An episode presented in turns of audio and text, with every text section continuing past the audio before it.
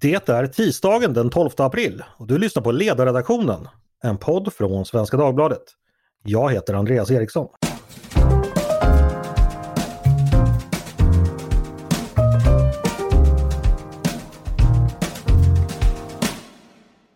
Varmt välkomna hörni!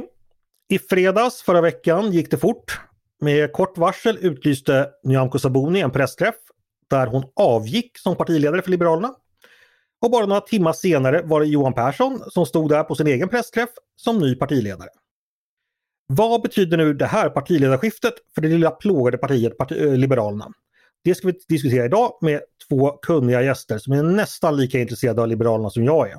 Nämligen Sofia Nebrandt, politisk redaktör på liberala Kristianstadsbladet och Sakine Madon, politisk chefredaktör på likaledes liberala UNT. Välkomna hit båda två! Tack så mycket! Tackar! Ja, jag tänkte vi ska bara först börja med att debriefa. Eh, hur förvånade blev ni i fredags när Sabuni avgick? Sofia, vad säger du? Jag blev väldigt förvånad över sättet hon avgick på men kanske inte så förvånad över att hon lämnade in handduken till slut. Mm. Men du trodde ändå, trots att det var så kort tid fram till valet, så tänkte du att det fortfarande var möjligt att hon skulle avgå? Ja, någonstans eftersom det har gått så väldigt dåligt i opinionen så länge. Men hon borde gått tidigare och hon borde avgått på ett annat vis. Mm. För lite och för sent som man brukar säga. Eh, Sakine, vad säger du? Blev du förvånad i fredags? Alltså förvånad absolut. Eh, men sen vid närmare eftertanke så var man inte direkt chockad. Men jag blev nog absolut förvånad för eh, alltså vad man än Alltså även liksom Sabonis kritiker eh, och vad man än tycker liksom om, om den partiledare som partiet ändå valde så valdes hon ju trots allt. Och det brukar ju, jag menar om man bara kollar på eh, liksom Annie Lööf stormade det också runt under hennes första tid som partiledare. Men då landade man ändå i att okej, okay, men vi har ändå haft ett val eh, av partiledare och partiet har valt henne. Men mm. i Liberalernas fall har det ju inte varit så okomplicerat. Eh, men, men jag har nog ändå tänkt att ja, fast nu har de ju ändå trots allt valt Saboni. Jag blev förvånad över att hon hade så starkt stöd jämfört med Erik Ullenhag. Men det var de facto det resultatet som, eh, som blev eh, när hon valdes. Så att jo, mm. förvånad. Varför gjorde hon som hon gjorde då, tror ni? Eh, vi börjar med Sofia igen. Jag tror att hon faktiskt bara tröttnade. Eh, mm. Bara kände att jag orkar inte och ska man leda ett parti in i en valrörelse och har den känslan så kommer det ju inte bli bra. Inte för henne och inte för partiet och valresultatet. Men ehm, eh, hon blev ju inte avsatt ifrån liksom, sitt parti. Det fanns ju inga öppna avgångskrav. Och jag tycker i och för sig också att den här bilden av att hon har blivit så motarbetad som person är lite överdriven. För att eh, den inre striden har ju stått om liksom, vägvalet politiskt. Regeringsfrågan, synen på Sverigedemokraterna snarare än henne som person. Mm. Fast ofrånkomligt har väl de två kommit att kopplas ihop? Ja, men efter landsmötet som ägde rum i november så har det ju ändå varit ganska tyst internt. Mm. Um, både så säga i vägvalet man gjorde, alltså folk har ju ändå jobbat på nu och fastställt listor och de som inte ställde upp här, de har ju valt att inte ställa upp till omval och de som har varit kvar har ju ändå rättat in sig i ledet. Mm. Um, men sen så har ju Nyamko Sabuni också gjort en hel del märkliga uttalanden, inte minst där senast om att hon skulle dra till Norge om vi invaderas av ryssarna. Men det är ju liksom en, ja, en ett exempel på en lång rad saker som hon har sagt som har varit lite kontroversiella. Mm. Det senare sa hon i en intervju som gjordes faktiskt av min chef Tove Livendal som då hade eh, hyrts in som samtalsledare när partiet gjorde en liten PR-film med Nyamko Sabuni och Ulf Kristersson.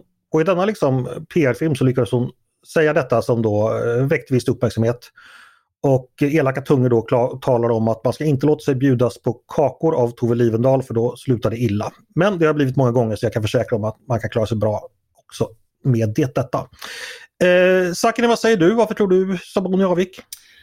Alltså hon förklarar det själv i, i en intervju med att eh, hon inte lyckades få upp opinionssiffrorna och att hon dessutom då inte lyckades ena partiets falang, falanger. Och jag tror nog att det är just så enkelt. Eh, eh, alltså många av hennes, alltså hennes falang hoppades nog att det skulle vända men eh, sen, ja, det har ju uppenbarligen inte gått. Man har stått och liksom eh, det har varit en så här utdragen mardröm med opinionssiffrorna. Eh, och hennes mm. egna förtroendesiffror har ju liksom inte heller varit något att, eh, att jubla över. Så att det, och nu så tror jag faktiskt att partiet, även, alltså, och det som ligger till grund för hennes eget beslut, eh, det är kort tid kvar. Samtidigt är väljarna lättrörliga. Eh, det kan Alltså spelplanen kan också enkelt, eh, eller inte enkelt, men spelplanen kan förändras. Man vet inte riktigt vad som händer.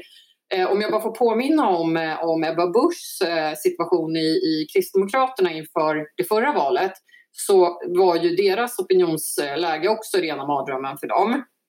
Mm. Men så hade hon lite flyt i partiledardebatterna som litet parti eh, lyckades liksom använda det utrymmet man får i just eh, tv-debatterna. Och eh, det var ju då framförallt vårdfrågan hon hamrade in och vann väldigt mycket på. Eh, och Johan Persson eh, för Liberalerna, han är ju sedan länge eh, rättspolitiskt intresserad. Han har företrätt partiet i den typen av frågor. Han är jurist i grunden. Är det så att eh, frågor om lag och ordning och, och mm, Eh, och liksom att bekämpa brottslighet med då ett mer eh, socialliberalt perspektiv. Där tror jag att det absolut kan finnas, eh, finnas någonting för honom att ta tag i. Mm. Vi ska snart eh, ge oss in på Johan Persson. Bara en fråga till om, om Sabuni. Eh, hon valdes ju då efter en, eh, ja, kanske inte partiledarstrid men ändå en uppslitande där, process där partiet var delat vinnaren efter en sån holmgång brukar man ju säga att det är väldigt viktigt att läka ihop partiet, sträcka ut handen till den andra sidan. Att helt enkelt ja, ena partiet igen. Sofia, vad säger du? Misslyckades Saboni med den eh, läkningsprocessen? Så att... Absolut. Um, jag har ju följt vad en lång rad eh, partiaktiva har sagt och skrivit uh, om den interna processen. Och de som då var kritiska till det här vägvalet, att man skulle närma sig Sverigedemokraterna eh, och säga upp januariavtalet, de har ju inte känt sig lyssnade på. Det har varit en lång rad eh, exempel på också hur den typen av personer inte får ledande positioner och det har varit ganska hårda tag vad jag förstår. Även från Mats Persson som då ekonomisk politisk talesperson och vapendragare till Nyamko Sabuni. Så det har ju funnits, särskilt under förra våren, efter det här partirådet när det kom upp första gången så var det ju väldigt många besvikna människor och sen som då valde att inte ställa upp till omval eller lämna sina förtroende, alltså som förtroendevalda. Eh, sen lugnade det väl ner sig då som jag sa tidigare efter landsmötet i november. Sakine, har du någonting att tillägga där? Alltså Sabonis roll som eh, så att säga eh, att vara förbindlig när hon, när hon väl hade vunnit och sträcka ut handen till sina forna fiender. Eh, finns det någonting att säga om det tycker du? Alltså, jag känner ju väldigt många i, i partiet och det har säkert Sofia också. min liksom samlade bild är nog också att Eh, alltså partiledningen och partiledningens anhängare kan säkert beskyllas för, för det här liksom interna kriget. Men jag tycker man gör det lite för lätt för sig också från då den andra sidan. Eh, alltså själva den här eh, liksom frågan om vägvalet. Eh, jag tycker personligen att det är en ganska svår fråga. Jag tycker att man borde erkänna att det är en svår fråga. Även Bengt Westerberg som satt i den borgerliga regeringen ledd av Carl Bildt i början av 90-talet var ju tvungen, tvungen att samtala med Ny Demokrati trots att, att han då reste sig ur tv-soffan. Jag tycker att den liksom, debatten är, den är inte helt enkel men jag tror att Liberalerna måste någonstans liksom, ja, eh, erkänna att det är svåra frågor. Um, och sen då, liksom, Nyamko Sabuni hon väcker väldigt, väldigt starka känslor.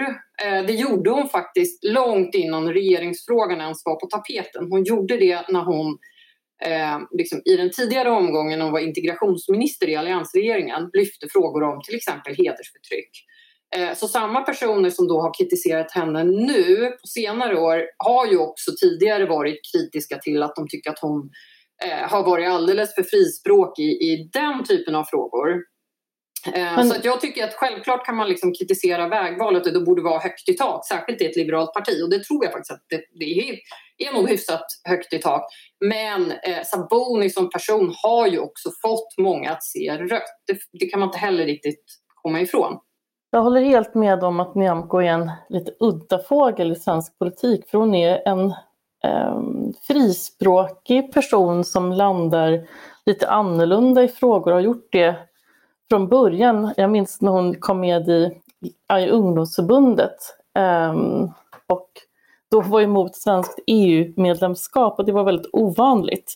Bara som ett exempel på att hon, ja, hon har en annan syn på saker och säger det också. Sen har hon ju varit tidig, apropå det här med problematik och förtryck, och det ska hon ha en eloge för. Eh, och plus då att hon är en väldigt introvert person. Jag blev förvånad över att hon ville bli partiledare för att hon pratar ofta i jag eh, form. Alltså mitt parti, och hon gjorde det också under de här sex minuterna hon deklarerade sin avgång att hon pratade väldigt mycket om sig själv och mycket mindre om partiet eller Sverige. Och det tror jag har präglat hennes partiledarskap, att hon är en väldigt utpräglad solitär. Men jag tror också att det finns en liten klyfta i liksom sättet hon är på. Och, och det var någon, en liksom liberal medlem i Uppsala som jag tycker uttryckte det väldigt träffande eh, på Facebook. Personen menade att, eh, tyckte sig då se väldigt många med utländsk bakgrund inom partiet som stod bakom Saboni och var ledsna över att hon eh, liksom slutar som eh, partiledare eh, medan då hon inte alls såg det på samma sätt eh, bland sina eh, liksom vänner, eh, partikamrater då kanske från framförallt Stockholmsfalangen då med, med eh, eh, då svensk bakgrund. Eh, och där, eh, alltså det går ju inte att dra såna generella slutsatser men jag tror absolut att eh, ett stort problem för henne var att partiet är liksom väldigt medelklassdominerat. Man är van vid att politiker ska låta som Erik Ullenhag. Och allt det där bröt ju Sabuni med. Och det var nog också därför hon fick stödet att faktiskt bli partiledare. Man ville ha någon som bröt med den gamla partiledningen och med partitopparna. Eh, men det var nog också det som eh, faktiskt låg henne till last. Apropå det här med att inte kunna ena partiet. Ehm, Eh, där tror jag det absolut spelar en roll att eh, liksom, vad hon än sa så tolkades det på ett väldigt negativt sätt av de som redan var rätt skeptiska mot henne. Mm. Med facit på hand, hade det varit bättre att välja Ullenhag? Vad tror ni? Alltså det är en bra fråga. Eh, jag tror att, alltså jag fick ju ofta frågan, så här, ja men vem hoppas du ska bli partiledare eh, när den processen var igång? Och jag svarade och menade verkligen att det, alltså den som har starkast, starkast stöd eh, borde ju såklart leda partiet. Det, det måste ju ändå vara en liksom bra ut, ett bra utgångsläge för varje demokratiskt sinnad person. Jag tyckte det var väldigt bra att partiet ändå hade de här öppna liksom, kandidatstriderna. De åkte runt och turnerade och distrikten fick säga sitt och så. Det där tror jag är, är jättebra. De partier som ännu inte har den typen av processer borde verkligen lära av partier som ja, men Liberalerna, Centerpartiet eh, och andra. Jag tror ju för egen del att för partiet hade det varit bäst om Erik Ullenhag hade blivit vald. För jag tror det ligger en hel del i det som du säger, Zacke, om att hon personifierade någonting som kanske inte alla kände igen sig i. Och det gjorde ju Glenn Erik Ullenhag. Han var ju Mr Folkpartiet. Han hade ju fått veta sedan han var liten, höll jag på att säga, att han skulle bli partiledare och varit partisekreterare och så vidare. Och så vidare. Plus att han har en ehm, politisk hemvist som faktiskt också överensstämmer med partiets om man tittar tillbaks längre tillbaka i tiden och då menar jag synen på förhållningssättet till Sverigedemokraterna. För jag håller med om att frågan, regeringsfrågan är svår och att det borde man erkänna Um, och att vi har haft någon likartad situation då 91-94 med Ny Demokrati. Men det finns en avgörande skillnad skulle jag vilja påstå. Det är att dels är Sverigedemokraterna så oändligt mycket större än Ny Demokrati någonsin var. Plus att liberala väljare är så mycket färre, alltså Centern och Liberalerna samlar under 10 procent, plus att det liberala benet i Moderaterna är så mycket svagare än vad det var under Reinfeldts tid, plus att vi internationellt sett ser en väldigt alltså, nationalistisk våg. Um, och att i det läget öppna upp för samarbete med högerpopulister och nationalister i Sverige som ett liberalt parti tror jag är ett historiskt misstag. Eh, det rimmar inte alls med partiets hundraåriga historia. Man, det är inte enkelt, liberalismen är trängd både parlamentariskt och ideologiskt men just därför så tror jag att äh, det hade varit bättre att välja Ullenhag för han var mer eh, rotad så att säga, i den idétraditionen. Mm.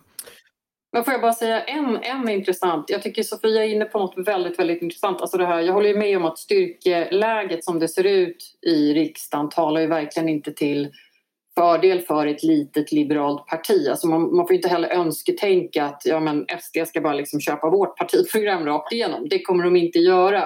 Det är en ideologisk fiende. Allt det är säkert liksom hela partiet egentligen i grunden överens om. Eh, men, men en sak som jag tycker att Erik Ullenhagen-hängarna missar, eller vi kan säga liksom den falangen i partiet, det är ju att alla de här processerna från det att Saboni blev vald till partiledare till landsmöte, till olika såna här stora samlingar för att just ta ställning i regeringsfrågan har ju visat sig vara... Alltså partiledningen har ju fått stöd Eh, så att, och, och, tidningen Nu som är liksom Liberalernas partitidning gjorde en enkät bland liksom hundratals eh, olika företrädare för partiet ute i kommunerna och regionerna. Eh, där de fick liksom svara på frågor om just ideologi, var de placerar sig, kallar de sig för liberaler eh, eller socialliberaler. Och liksom, när jag gick igenom graferna så var det extremt tydligt att liksom, en majoritet kallar sig hellre liberaler än socialliberaler. Eh, med mera. Alltså allt talar till Saboni-linjen, eh, om jag slarvigt uttrycker det så. Så att när man pratar om, liksom, alltså det, det är väldigt, väldigt vanligt eh, förekommande i debatten. Jag ser det i, i tidningsartiklar liksom var och varannan dag att ibland framställs det som att liksom partiledningen och Sabuni nästintill liksom har kuppat igenom den här regeringslinjen som partiet har nu. Men det är ju inte så. Det är inte så att Johan Persson ens kan liksom välja en annan väg för att det här har processats i partiet. Det har varit jättejobbigt, det har varit jätteslitigt. Och visst, det finns en väldigt kritisk minoritet i partiet. Men det är, alltså det är inte helt taget ur luften utan det här är vad partilandet tycker och tänker. Mm. Mm. Men jag tror fortfarande långsiktigt att det blir problematiskt för att om man identifierar sig som höger eller borgerlig eller vad man säger um, då blir man ändå fyra på bollen som det ser ut nu i det partipolitiska landskapet. Um, Plus att som liberal är man ju egentligen inte varken höger eller vänster. Man är ju höger i ekonomiska frågor kanske man kan tycka som marknadsliberal. Men vänster i många kultur, alltså kulturfrågor och alltså mer frihetliga. Så att jag tror en miss är att liberaler har köpt den här tvådimensionella liksom höger-vänster-skalan och ska tvingas välja medan liberalism är inte mittemellan konservatism och socialism. Det är mer som en triangel. Um, men vi är få liberaler i, den här, i det här tredje hörnet då. Ja, nu nämnde ni Johan Persson här och innan det blir internt folkpartistiskt ideologiseminarium tänkte jag vi, vi ska prata lite om honom också och hans framtida, framtid. Eh, han tillhör ju så att säga Saboni-linjen. Han tänker fullfölja den linje som har bestämts av partistyrelsen. Nu har han fem månader på sig. Eh, vem är Johan Persson? Han är ju en välbekant figur för de flesta som har följt politiken. Man kanske inte vet så jättemycket om honom. Sofia, kan du berätta, ge oss ett litet kort personporträtt om Johan Persson, av Johan Persson? Han har varit med jättelänge, han är utbildad jurist, han har suttit i riksdagen länge, han har varit gruppledare och partisekreterare och har djup förankring. Från Örebro, är en rätt så skojfrisk twittrare. Mm. Uh, um, ja. Tack, du ville tillägga någonting i den skiss, lilla skissen? Eh, det var, det var ju en jättebra summering, så jag har inte så mycket att... jag kan lägga till kanske pragmatiker. Eh, han är väldigt pragmatisk Han var faktiskt den enda som nämnde att han är frisinnad i partiledarstriden eh, 2019. Just det. Det tror jag många äldre folk, ja, förlåt, liberaler uppskattade. Det kan jag berätta för lyssnarna att innan man började med Galtan och sånt där som vi håller på med nu för tiden så var då liberala och frisinnade två olika fraktioner. En gång i tiden var det två olika partier som slogs, slogs ihop helt enkelt. Eh, och det finns faktiskt någonting, tror jag fortfarande, som heter Frisinnad tidskrift för den falangen som kallar sig Frisinnad då som kommer ja, från och Frisinnade klubben. Frisinnade klubben. Vad tror ni, kan man förvänta sig någon typ av ändrad politisk, sakpolitisk kurs för Liberalerna med den nya partiledaren? Vad tror du Sakine? Alltså nej, jag har svårt att se, jag har svårt att se någon fråga. Som sagt, han är, Johan Persson är en pragmatiker. Eh, jag tror att den, alltså det som man ändå uppskattar väldigt mycket med honom det är nog snarare liksom, ja, men, han ger ett väldigt, eh, alltså, vad ska jag säga, eh, liksom folkligt intryck. Eh, jordnära, eh, han skämtar gärna, eh, vilket Sofia nämnde. Och det tyder ju ändå på liksom, självdistans och det är en ganska charmig egenskap som politisk ledare. Eh, och han verkar ju vara som sagt liksom, hyfsat populär internt. Han har varit med länge. Eh, och det, är det så att han liksom lyckas ena partiet internt, vilket man ser tecken på, då blir det mycket, mycket lättare för honom också att göra bra ifrån sig i olika debatter. Eh, och, och, som sagt, jag tror inte de ska kasta in handduken än. Det kan mycket väl vara så eh, att olika frågor dyker upp som integration och skola och brott och straff där han själv är, har varit väldigt engagerad. Eh, och saker och ting kan hända. Väljarna är lättrörliga. Så att eh, jag säger som Per Ahlmark, lycka till! Eh, Sofia, du, du, får samma fråga. Eh, får vi se någon ändring i den liberala politiken med Johan Persson tror du? Nej, jag har svårt att se det. I alla fall före valet. För att det är knappt fem månader kvar. Han har ändå varit vapendragare eller väldigt närstående då, Sabuni och stöttat det. Mm. Och han har ju varit väldigt tydlig också nu när han har tillträtt. Eh, att han kommer luta sig på de beslut som partiet har fattat i olika frågor.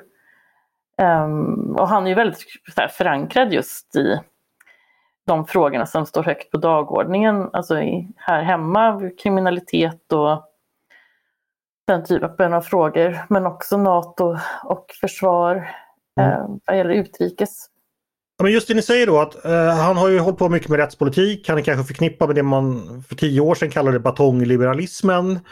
Eh, det passar ju väldigt bra ihop med tidsandan som du säger Sofia, men riskerar man också då att liksom, då blir Liberalerna bara yt, eh, ett av ytterligare alla batongpartier och får liksom slåss om med Socialdemokrater, med Moderater, med Sverigedemokrater och med Kristdemokrater. Alltså, finns det risk att han helt enkelt hamnar, att det inte finns så mycket väljare att plocka där?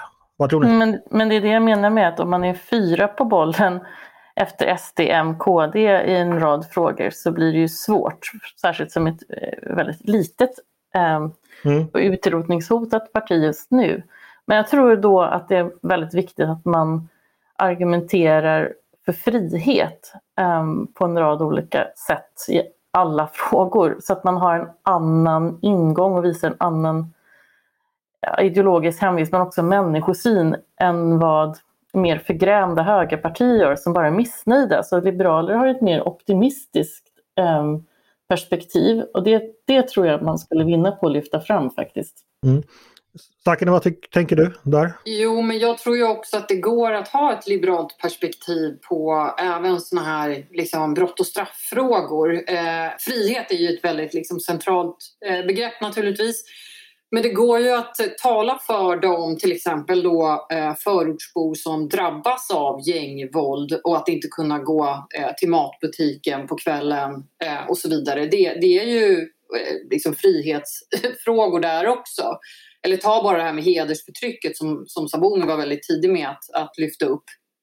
Eh, så att det finns ju eh, det finns ju liksom ett perspektiv att lägga till. Att däremot bara liksom ropa efter hårdare tag, jag menar, det, det gör redan Moderaterna eh, och andra högerpartier.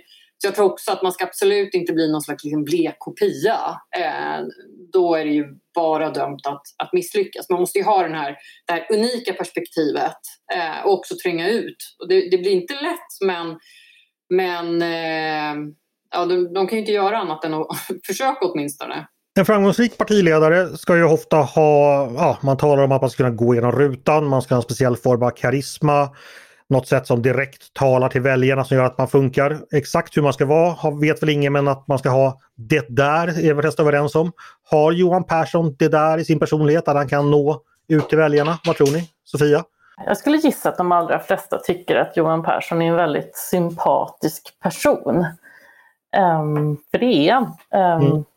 Och på något vis också det här att han är ganska pragmatisk och skojfrisk kommer nog göra att han stöter sig med färre. Alltså jag tror att han är en person som många vill, skulle, ja, skulle vilja ta en öl med. Det brukar man ju ha så här lackmustest. Mm. Sakine, kommer väljarna vilja dricka öl med Johan Persson? Jo, men det kan jag nog tänka mig. Uh, alltså han ger ett väldigt så här, trevligt intryck. Uh, absolut. Samtidigt så kan inte jag uh, liksom låta bli att irritera mig på om han blir liksom väldigt omhuldad. Eh, för jag menar, precis som Anna Kinberg Batra, när hon var partiledare eh, så kan jag uppleva att även Nyamko Sabuni har fått bitvis liksom onödigt hård kritik. Liksom vad de än sa i vissa sammanhang liksom skulle vändas emot dem. Och det här med att ha liksom den här interna ständiga kritiken. Det kan ju få liksom vilken människa som helst att eh, få sämre självförtroende eller bli osäker i debatter eller intervjuer eh, och så vidare. Och där tror jag verkligen att kvinnliga partiledare eh, är mer utsatta. Eh, så att eh, jag, jag, kan inte riktigt skaka av mig det här att det, det är liksom lättare även i, i politiken med ja, men en skön snubbe. Eh, men då att man är mer hård eh, och mer krävande eh, mot, eh, mot kvinnliga partiledare. Så vi får se. Så är det så att han blir alldeles för omkramad då kommer jag, då kommer jag faktiskt störa mig som feminist. Mm. Det, det, kan jag hålla med om. Men då vill jag också lägga till att eftersom man nu har den ja, medfödda fördelen att han är medelålders, eh, medelklass, eh, vit man, att han då vilar i det och vågar vara mer öppen och uppriktig i sina svar och inte bara har såna här förberedda, försiktiga eh, one-liners och inte lyssna på journalisters frågor. För att om jag, om jag tror att någonting skulle lyfta honom och partiet så är det för att man vågar sjunga ut och vara, liksom upplevas som uppriktig och inte vara så förbaskat försiktig som många liksom, politiker är Eh, och jag tror att det är en av framgångarna för Jimmy Åkesson, att han bryr sig inte så mycket om vad det så kallade etablissemanget tycker. Så han säger vad han eh, själv står. Eh, och det märker ju alla vi som lyssnar, både vi som jobbar med politik men vanliga väljare också. Så jag hoppas att Johan Persson känner självtillit och självförtroende och vara sig själv och säga vad han faktiskt vill. Mm. En fråga, när Nyamko Sabuni blev partiledare så beskrevs hon lite som gräsrötterna och medlemmarnas alternativ medan Erik Ullenhag Ja, Sofia, du sa att han var född till folkpartiledare. Det var väl förmodligen sant då. När han föddes så var det en liberal stjärna som tändes över Uppsala. Eh, alltså Almark och Ola Ullsten dök upp med, med guld och myrra och rökelse för att hylla den nya kungen och sådär alltså mellan, eh, som, i etablissemangssammanhang, är Johan Persson, är han mer då etablissemangets, partietablissemangets person eller är han mer utifrån liksom periferin? Kan man säga någonting om var han befinner sig i den dimensionen? Klassmässigt etablissemang, geografiskt eh, i periferin som han är örebroare. Allting utanför Klippvägen på Lidingö är ju periferin när det gäller Folkpartiet i och för sig. Exakt. Eh, kort förklaring till lyssnarna. Eh, jag och Sofia skämtade där om det folkpartikollektiv på Lidingö där ett flertal partitoppar har bott under 50 års tid och där många privata intriger kring Folkpartiets inre liv har avhandlats genom åren. Sakine, vad säger du om det? Etablissemang eller kommer vi kommer från periferin? Har du någon tanke om detta? Alltså, han har ju så tydlig dialekt. Det hörs att han är, han är från Örebro men det hörs att han inte riktigt... Eh, jag håller med, han är inte helt lätt att placera. Han är ju ändå juristutbildad och sådär. Men han är ju... Eh, nej, alltså man märkte ju när, med Erik Ullenhag så var det ju liksom givet att eh, DNs ledarsida skulle stå bakom honom och det var eh, alltså han var ju så partietablissemang som man kunde bli. Eh, medan mm. Johan Persson var lite den här liksom, sköna killen som bara gled runt och skojade. Han hade något jätteroligt skämt i någon Facebook-tråd när eh, liksom Saboni kanske fick runt eh, 55 procent av stödet när de försökte bli partiledare alla tre. Och Erik Ullenhag kanske 45 och sen så fick Johan Persson en skvalpa, runt 5 eller någonting. Och så skrev han, ja, kanske 6 och så skrev han något om att så här, åh jag är större än partiet. Och det är ju, det är ju väldigt typiskt honom. Eh, så att han, han, är ju, han har ju lyxen av att inte vara en del av etablissemanget. Eh, det tror jag är bara till hans fördel. Och samtidigt då som han inte är Nyamko Sabuni vilket gör att eh, liksom Sabuni-kritikerna i partiet förhoppningsvis då ger honom en bättre chans. Nu tycker jag inte de ska vara extra snälla mot honom bara för att han är inte är kvinna eller har utländsk bakgrund och så vidare. Men, men jag tror att han ändå har eh, bra förutsättningar. För det är inte bra heller att vara då etablissemangskandidaten. Det visade ju inte minst eh, det gamla då partiledarvalet inom Centern. Eh, Annie Lööf mm. vann ju också på att då vara inte Maud Olofssons favorit. Mm. Kommer Liberalerna sluta bråka internt nu fram till valet tror ni? Ja, det tror jag faktiskt. Alltså, ja, de, det här är ju existentiellt. De måste bara bedriva valrörelse och hålla sams. Mm. Eh, det måste ju ändå vara prio ett. Men samtidigt så måste jag ändå tillägga att det är ett väldigt märkligt sätt som Johan Persson har blivit partiledare. Han är inte ens vald på ett digitalt möte av, av medlemmarna. Han, är, han ska vara någon slags vikarie över valet och eventuellt då bli vald först i december. Mm.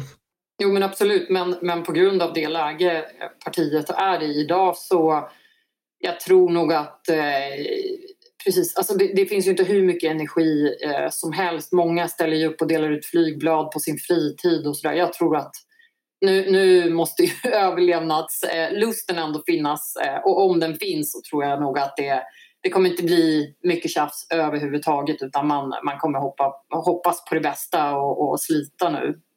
Mm. Jag tänkte att vi ska börja runda av och fundera om detta. Vi diskuterade detta i podden, vår panelpodd som vi har på fredagar på Svenska Dagbladet. Och då så andades jag lite hopp för Liberalerna och min, min iskalla kollega Peter Wennblad som är en, en sån där fruktansvärd moderat till skillnad från oss varma socialliberaler. Han sa då att jag dagdrömde, eller jag, jag önsketänkte när jag såg en framtid för Liberalerna efter valet. För han sa att den 11 september då kommer det ta slut för Liberalerna. Eh, vi är ju inte så, så krassa så, som Peter Wennblad men vilka chanser har egentligen Liberalerna i valet om vi ska vara ärliga? Sakne, vad säger du? Alltså det är ju faktiskt hundra år sedan partiet sprack. Eh, apropå det här med, med den frisinnade falangen och, och antifrisinnade. Eh, men skämt åsido, nej men jag, som sagt jag tror att det beror väldigt mycket på vad det är för frågor eh, som dyker upp. Eh, det har inte eh, gagnat Liberalerna att eh, liksom såna stora eh, frågor som jag menar kriget i Ukraina. Det är inte märkligt att eh, liksom, det, det, är väldigt svårt att tänka på någonting annat i det här skedet. Mm. och, och, jag menar Socialdemokraterna, vilket briljant drag att byta partiledare och dessutom då eh, skaka sig av Miljöpartiet. Det har ju verkligen gått eh, Socialdemokraternas väg. Eh, så det är svårt för ett litet liberalt parti att eh, överhuvudtaget eh, finnas till i, i media och så vidare just nu. Men med det sagt, eh, exemplet då Ebba Busch, hon tampades och Kristdemokraterna hade urusla opinionssiffror. Eh, men så händer det någonting i partiledardebatterna och ju närmre valet man kom eh, och, och, jag ser inte riktigt varför det inte skulle kunna ske även för Liberalerna. Sen är de ju, de, de har ju det här ganska charmiga underdog-läget. Det ser så illa mm. ut att jag tror nog att de kan också vinna lite sympatier på att det ligger så, på att de eh, har det så risigt. Det var precis så jag försökte resonera med Peter också, men han avfärdade med grymt. Men jag tänkte så här att det räcker med några att man går upp lite i en opinionsmätning så är Johan Persson plötsligt comeback kids och, och liksom då blir det snack om det och så vidare. Sofia, vad tror du? Hur ser chanserna ut? Jag tror också som Sacken är att det beror enormt mycket på vad som händer i omvärlden och inrikespolitiskt, den politiska dagordningen men jag tror att en USP, alltså en, en fördel ändå är att man byter partiledare eh, precis som Socialdemokraterna, för de blev ju av med hela liksom, pandemihanteringen och en massa andra saker som Löfven ändå stod för. och kunde börja om på nytt och Magdalena Andersson påminner ju på ett sätt om, om eh, Johan Persson. Så här, eh, medelålders, välutbildad, eh, lite pragmatisk och hon lyckas ju väldigt väl. Jag, mm. jag, tror ändå, till skillnad då från din cyniska kollega Peter Wennblad, att, att det ändå finns en större chans idag än vad jag trodde för en vecka sedan. Ändå ironiskt att man frågar två liberaler hur kommer det gå i valet och svaret blev det beror på. Det mycket liberalt svar. Det får vi se hörni. Eh, själv ska jag faktiskt när vi har vår nästa panelpoll på fredag sätta en flaska whisky på att Liberalerna är kvar. Får vi se ifall herr Wennblad sätter emot. Och sen ska jag inmundiga den på valnattens kväll och nju njuta av detta. Får vi vara med och skåla då jag Mycket bra fråga. Nej. Det beror på ifall ni är beredda att också ingå i valet. Och är det så att jag förlorar får jag väl betala min egen whiskyflaska och dricka för att sörja partiet. Eh, hörni, stort tack Sakine Madan och Sofia Nebrant för att ni ville komma hit och prata Liberalerna med mig idag. Tack själv. Tack så mycket. Och tack till er som har lyssnat på Ledarredaktionen, en podd från Svenska Dagbladet. Varmt välkomna att höra av er till redaktionen med tankar och synpunkter på det vi har precis diskuterat eller om ni har idéer och förslag på saker vi borde ta upp i framtiden. Då mejlar ni bara ledarsidan snabel svd.se. Stort tack för idag! Dagens producent, han heter som vanligt Jesper Sandström. Jag heter som vanligt Andreas Eriksson och jag hoppas som vanligt att vi hörs igen snart.